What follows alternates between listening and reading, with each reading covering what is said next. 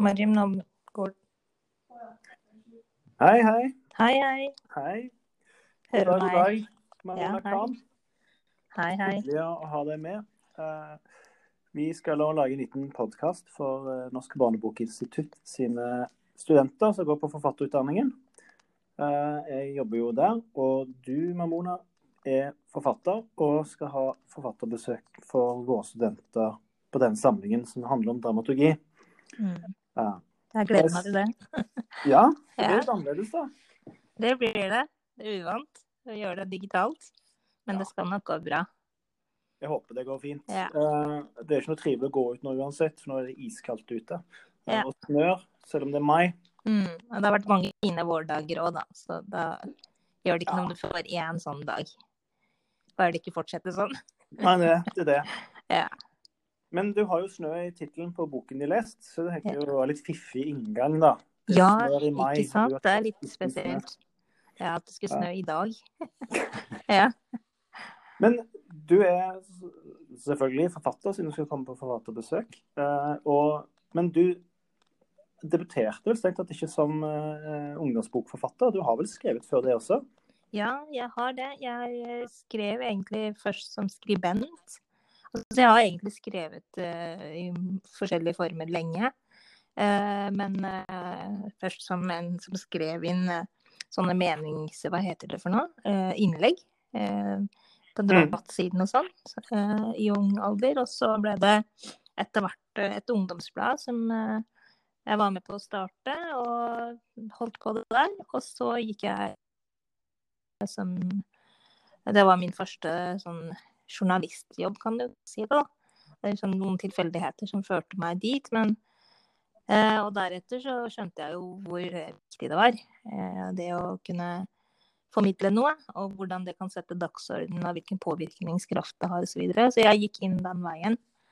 Eh, så jeg har vært journalist eh, i flere år.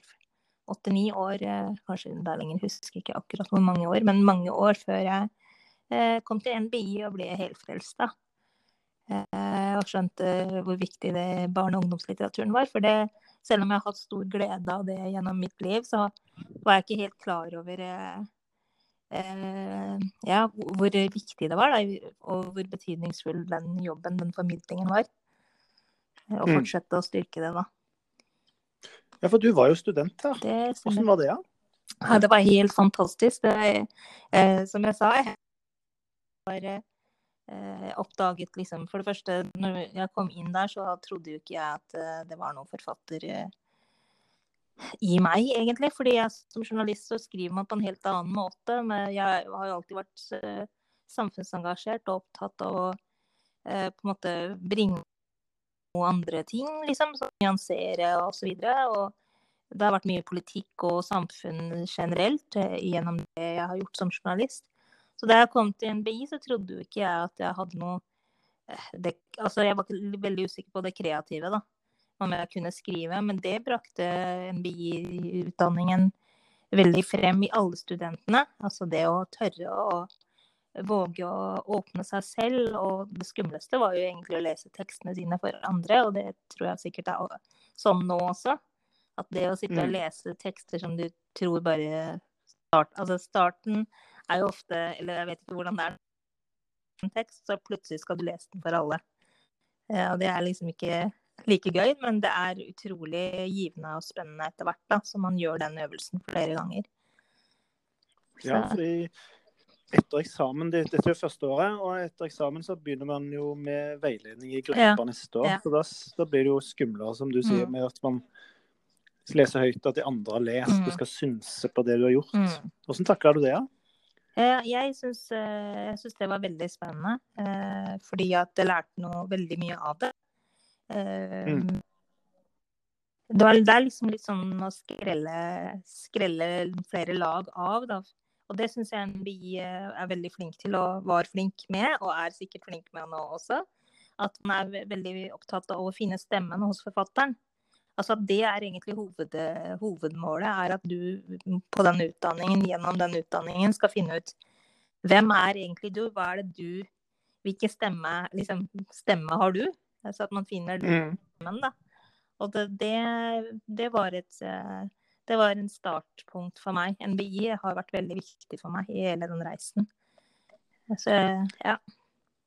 Når du startet den reisen, du, hadde du tenkt at du skulle skrive en beintøff ungdomstrilogi om håper si, ikke under verden, jo, på sett og vis under verden i Oslo? Nei, absolutt ikke. Jeg, jeg, var egentlig ganske sjokkert over meg selv da jeg skrev eh, på skitten snø. Fordi at eh, mm. jeg visste ikke at jeg hadde så mye mørke i meg. Nei, men det er noe med at um, man blir liksom kjent med fantasien og eh, det, er, det, bor veldig mye i oss. Det betyr ikke at vi er mørke som mennesker, men det er mye som eh, kan lokkes frem da, når man sitter og skriver. Eh, mm. og i meg så tror jeg det, det, ble lokket frem et tema, rett og slett, egentlig. Fordi det var igjen journalisten som starta eh, på det prosjektet også, i NBI, faktisk. Fordi mm. 'Skitten snø' begynte jeg på eh, i, som hovedoppgave eh, siste året, eller på avslutningen der. Eh, så startet jeg på Skitten snø. Og det jeg visste, var at jeg skulle skrive om eh, skam og overgrep. Det visste jeg sånn. Og mm. det visste jeg fordi at det journalistiske i meg på en måte var opptatt av å belyse noe som er kritikkverdig og vanskelig å snakke om, for å liksom belyse det. Så det var sånn eh, det at det var tematikken som egentlig lokket frem resten. Mm. Eh, så nei, jeg var veldig sjokkert over at, det, at, jeg skrev den boka, egentlig.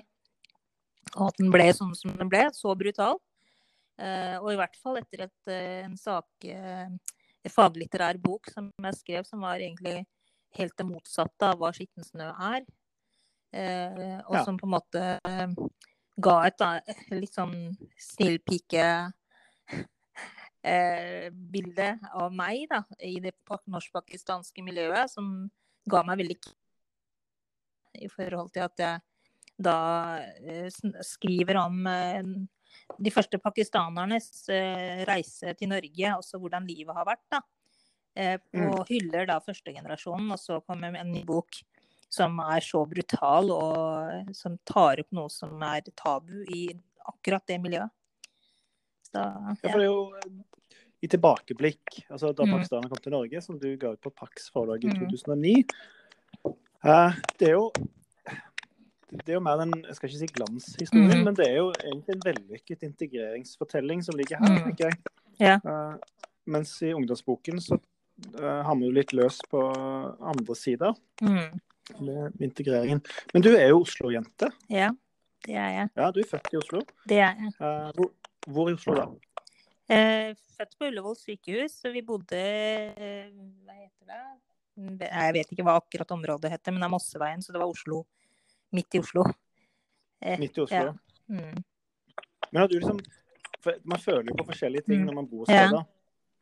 Uh, og det preger jo også forfatterskapet. Mm. Så jeg tenker på alle de liksom, Oslo-forfatterne, Lars oss mm. Christensen får nevne igjen, men de skriver liksom om byen sin. Ja. Uh, følte du Eh, har du en tilhørighet? Er det noen ja. steder i Oslo mm. du jeg er oppvokst, hjemme? Eh, store deler av oppveksten min er fra Groruddalen. Altså jeg ble fra Skal vi se altså Det har vært en reise av barndommen min også. Eh, fra syv-åtte mm. års, syv, så dro vi til Pakistan. Altså det Pappa var redd for at jentene skulle fornorskes, så vi ble sendt ned. Og så var vi der i mm. tre år. Og da vi kom tilbake, så kom vi til Vestlige i en toromsleilighet. Så vi var fem jenter. Så det var en stor familie Oi. på toromsleilighet. Og planen var jo ikke at vi skulle bli seg tilbake fra Pakistan med å si at ungene ville ha sommerferie i Norge. Så når vi kom hit, så satte hun seg på ville ikke tilbake. Barna skulle gå på skole ja. i Norge. Og det var egentlig det var jo ikke sånn pappa hadde planlagt det. Sånn at plutselig Nei. så var det en familie på sju i en toromsleilighet. Og det ble jo liksom kaos. Så da må, måtte vi flytte. Og så kjøpte de en uh, fireromsleilighet på Romsås. Uh, og der bodde vi fra jeg var uh, ja, Hvor gamle var jeg? Ni år, kanskje.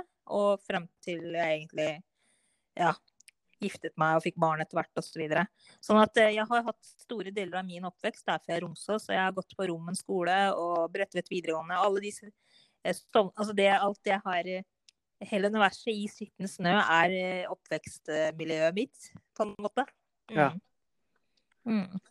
Men så pappa, pappaen ga seg? Ja, han måtte gi seg. Han, han, eh, han hadde ikke Han var sånn der, ja. Da er, det til, da er det ditt ansvar at det går bra med dem, og at det ikke blir eh, helt eh, fornorska og friker og sånn, da. Så alt det ansvaret friker ut, ja. Så han var livredd. Han var jo livredd Ja. for hva det norske eh, Og etter tilbakeblikk så har jeg forstått denne generasjonen også litt bedre. Jeg forstår på en måte at det har vært vanskelig for dem. Eh, Mm. At de, det som de frykta, var ofte eh, veldig overdrevet eh, frykt. Mm.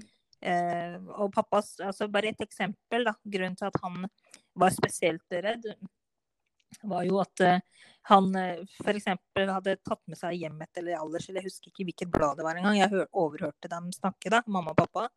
Og da satt han og fortalte om en 12- eller 13-åring blitt gravid og fått barn, ikke sant. Og det, du vet, det er sånn forsidesak eh, i en Ja. sånn, sa- i et sånt blad. Og han var jo livredd ikke sant? for at dette skulle ja, Hvis de blir boende her ikke sant? Det er veldig overdrevet. Det er jo ikke sånn det er. Men det var sånn han tenkte. Og han var jo ikke alene om det. Ja. Det var mange av den generasjonens menn som gjorde det samme. Som sendte ungene til, til Norge, unnskyld, til Pakistan. For at de skulle få både bli disiplinert og få verdien, tradisjonen med seg. Og de aller fleste kom jo tilbake, men det er noen som aldri kom tilbake, som ble der. Og vi er da Mm. blant de som, eh, takket være mamma, fikk komme tilbake ganske tidlig, egentlig, og fikk fortsette både skole og ja, alt, alt da, livet videre her i Norge. Mm. Ja, for det er jo, jeg, jeg skjønner det jo. Altså, jeg, jeg har jo spilt cricket i en Mm. del år og var jo i et pakistansk miljø eh, uten å være i et pakistansk miljø. Jeg var jo i cricket, Mm. Men det ble jo snakket om eh, Og på det verste, da, så jeg hørte jo mye rart om nordmenn. Mm. Men det var alltid sånn Nei, men du Steffen, du er jo ikke sånn. Mm. Det er ikke sånn. Men, så, er det ingen som er sånn Mm. som det beskriver. Så det er jo en sånn Det er en eh, gap eh, som gjør at man ikke har kunnskap, man kjenner hverandre ikke nok. Og så blir det på begge sider et sånn bilde som ikke stemmer med virkeligheten da, av hverandre. Eh, og sånn er det også Absolutt. med mennesker som kommer eh, til Norge i dag, med, som enten flyktningbakgrunn eller innvandrerbakgrunn, så frykter de samme tingene som foreldre, mine foreldre gjorde med barn. Mm. Mm. Så, Og det er vel også ganske norsk. Eh, Jeg har jo familie i Stavanger, og de føler jo at Oslo er det største kriminelle hullet i Mm. verden, så de er livredde for Ja. å være her. Så det er jo hvordan du oppdager verden gjennom Mm. mediene, da. Ikke mye. Men eh, selv om du er født i Oslo, så har du vel eh, et utseende som gjør at du sikkert folk har spurt deg hvor du Ja, kommer fra. jeg er veldig vant til, men, og jeg var veldig sår på det i, tidligere da jeg hadde, var midt i identitetskrisen og sånn. Så syns jeg det var vanskelig. Ja. Men etter at jeg satte meg, fant en sånn trygg identitet, så har det aldri vært et problem lenger. Fordi jeg vet at jeg er Mm. norsk. og jeg er veldig Ja. av min pakistanske bakgrunn. Det er en del av meg. Men det er dette som er mitt hjem. Eh, og det å finne Mm. den forankringen gjør at det spiller egentlig ikke noen rolle hva andre tenker eller føler, eller hvordan de ser på meg, så lenge jeg vet hvem jeg er. Så er ikke det noe problem. Jeg pleier å svare at jeg er norsk, men eh, altså foreldrene kommer fra Pakistan. For det er ofte nysgjerrighet òg, ikke sant, Mm. som gjør at man stiller spørsmål. Um, Jeg tror det aldri er en vond intensjon. Altså, det, det har sikkert Mm. vært, men jeg tror det blir mindre og mindre av det. Men det er rett og slett litt sånn nysgjerrighet, selvfølgelig. Eller en måte å starte en Mm, samtale på. mm. Jeg, uten sammenligning, egentlig. Men jeg får jo alltid hørt hvilken dialekt Ja. de har. Selv om det er Mm. irrelevant i ofte de samtalene Mm. man er. Men det er en, kan være en ja, nei, det tror jeg også. At det ikke alltid er eh, noen dårlige intensjoner med. Men, det, hvis, men, men hvis man følger opp det spørsmålet med eh, Har du tenkt å reise hjem igjen? Så blir det liksom vanskelig for meg, Mm. syns jeg. Det er ikke ofte det skjer, men det har skjedd et par ganger at ja, når har du, har du tenkt at du skal reise hjem igjen? Og så tenker jeg reise hjem igjen? Hjem? Det er her, det. Å reise hjem. Ja. Mamma og pappa. Det er ja. litt sånn som blir Litt som å være på et selskap og få høre du, Nå skal dere dra, Ja. egentlig? Mm. Eh, Eller det er litt sånn samme merkelig du, Mm. Eller det er dårlig sammenligning. Det er egentlig å være i sin egen Mm. bakgård. Mm. Nei, da, te- altså, yes. hvis man tenker på til, til og med generasjonen som kom til Norge da, for 50 år siden, da, eller ja, det er vel det, blitt så mange år, eh, for i hvert fall pakistanerne, så er det faktisk sånn at eh, de fleste av dem, selv om de hele lengta tilbake hele tiden og egentlig ville reise og flytte tilbake etter at ungene var så hadde liksom blitt selvstendige. Selv de føler jo ikke seg eh, Altså, de har tilhørighet, selvfølgelig, sterk tilhørighet til Pakistan, men de, de har fortsatt eh, barnebarn og barn i Norge, sånn at de har sterkere tilknytning til Norge enn det de har til Pakistan.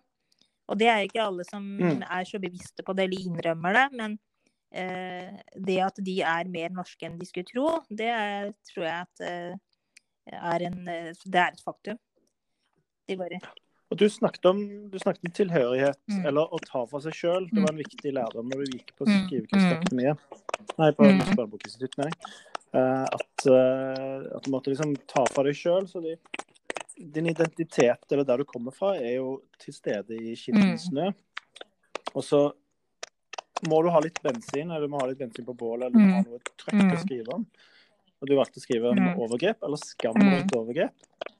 Eh, for jeg tenker at vi må snakke snakke litt om det. For jeg, jeg tenker at man velger jo tema. Mm. Man må ha konflikt. Yeah. Det må være konflikt i Mm. et prosjekt, ellers er det ikke en bok. Eh, men her har du valgt et tema som eh, er veldig tydelig Det er både rett og galt. Altså det, det er svart-hvitt. Det, det er ikke to sider av en sak her når det gjelder overgrep. Nei. Men hvor ligger Snakk om skammen, da. Hvor, hvor- ligger den? Eller hva ligger i den? Um, ja. Hvor, hva ligger i skam?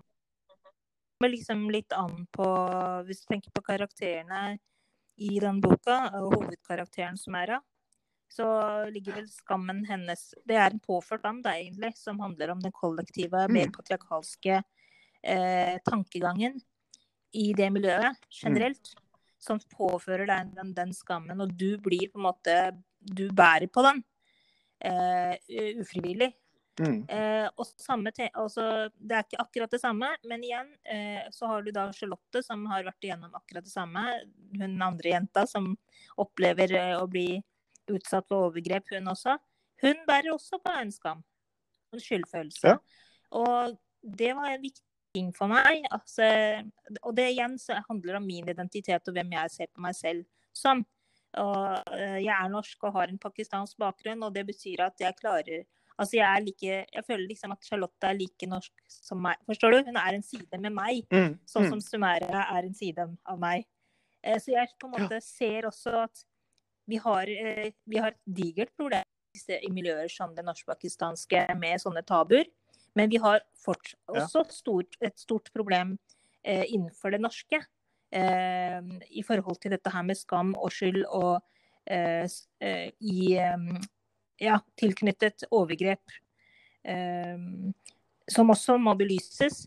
Og det er jo grunnen til at for å få frem hvordan uh, disse jentene blir berørt, der Sumera har en eh, mye sterkere og vanskeligere og farligere konsekvenser uh, som resultat hvis det kommer ut, så har Charlotte det at hun er redd for at hun ikke vil bli trodd.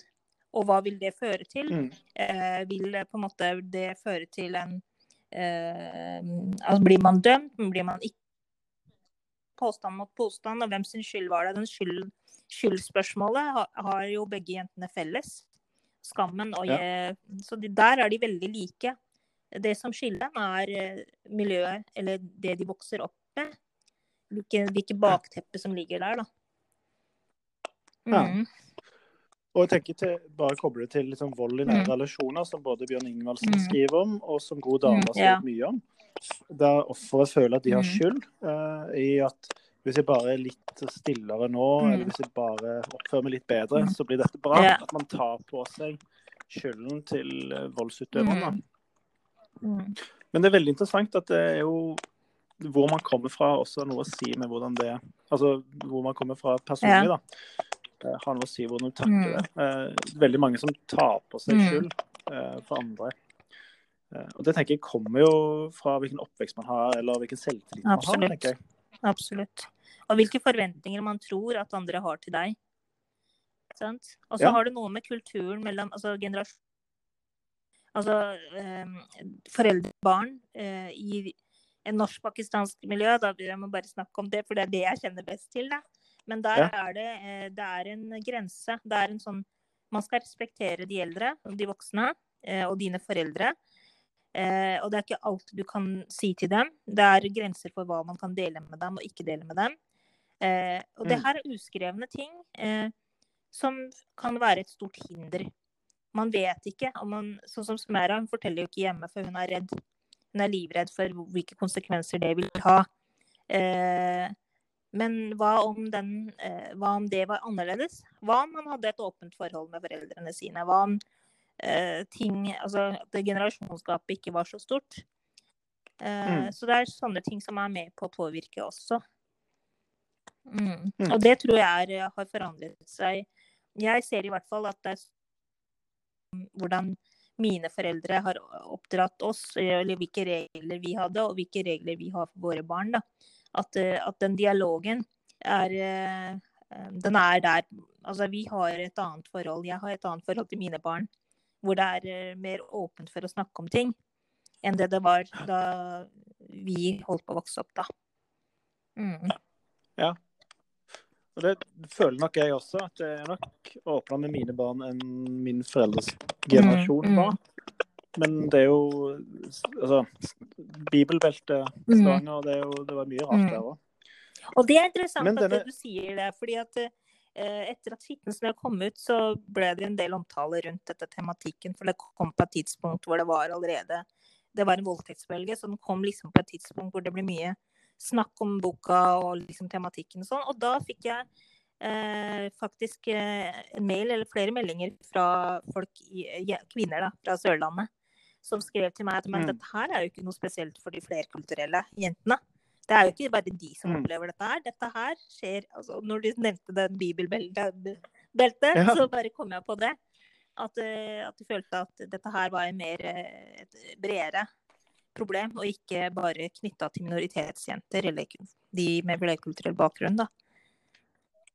Ja, for jeg føler jo at det, det er jo styrken i litteratur, at du kan lese ganske mange forskjellige historier likevel enten finne Mm. deg sjøl, eller finne innhold som Mm. du uh, kjenner deg igjen i. Mm.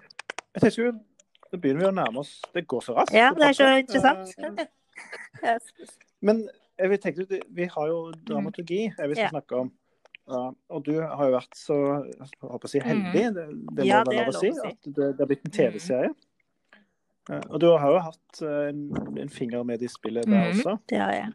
Og jeg tenkte at eh, det hadde vært spennende å høre i morgen hvis du hadde tid, fortelle om kanskje prosessen med boka, og så prosessen med Mm, TV-serien. absolutt. Eh, for det er vel veldig forskjellig. Det er det. er vel ting som blir annerledes. Det er en helt annen måte å jobbe på enn det man gjør når man setter seg ned for å skrive bok. I hvert fall sånn som jeg skrev, da.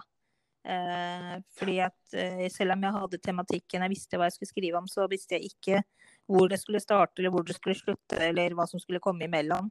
Jeg skrev egentlig sånn- ut fra, hva heter det, eh, intuitivt. Ja. Ja mm.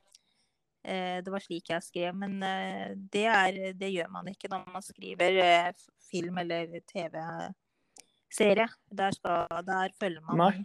Det er en sånn skjematisk eh, dramaturgi, dramaturgi som må eh, Altså det er noen punkter, da, som settes opp før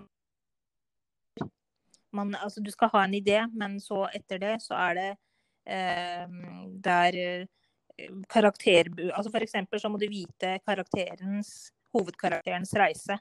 Hvor starter det, hvor slutter det? Mm.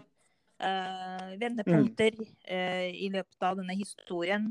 Eh, så du skal egentlig vite ganske mye, eh, og følger mer skjematisk eh, dramaturgi enn det man gjør når vi sitter alene og skriver, skriver våre tekster. Da. Eller jeg har i hvert fall ikke brukt mye tid på å lage synopsiser osv. før da jeg skrev bøkene. Men det gjør man. Det er, man, det er forventa, det kreves når man begynner å skrive manus for TV og film. Da. Mm. Har du blitt mer strukturert som forfatter pga. det Vet, prosessen? ja, vet du, jeg klør skikkelig i fingrene og har lyst til å skrive igjen. Bok, liksom. Ja. Fordi også se om det jeg har lært nå, er noe jeg kan få bruk i eh, litteratur. Og det er jeg sikker på at jeg har, bru- kan få bruk for. Så jeg eh, bare venter på å få muligheten til å gjøre det. Og se om jeg kan gjøre det. Mm. Ja, for når man skriver på Lykke og Fromme, sånn som Ja. man ofte gjør, så, så blir det noen bomturer og Ja. blindveier. Og Mm. når man ikke helt har skjønt hvordan et, en plott Det, bygges det, det jeg Um, har skjønt, er at dramaturgi er eh, helt essensiell for eh, ikke bare TV og film, men jeg tror kanskje at eh, litteratur også kan ha veldig stor utbytte av det. altså Hvis vi styrker den delen. At, at man har gjennomtenkt liksom hele bunnen til historien og karakterene, og hver karakter, hvilken reise de har, og hva er egentlig eh, Hva er det i denne historien? Hva er det vi vil fortelle?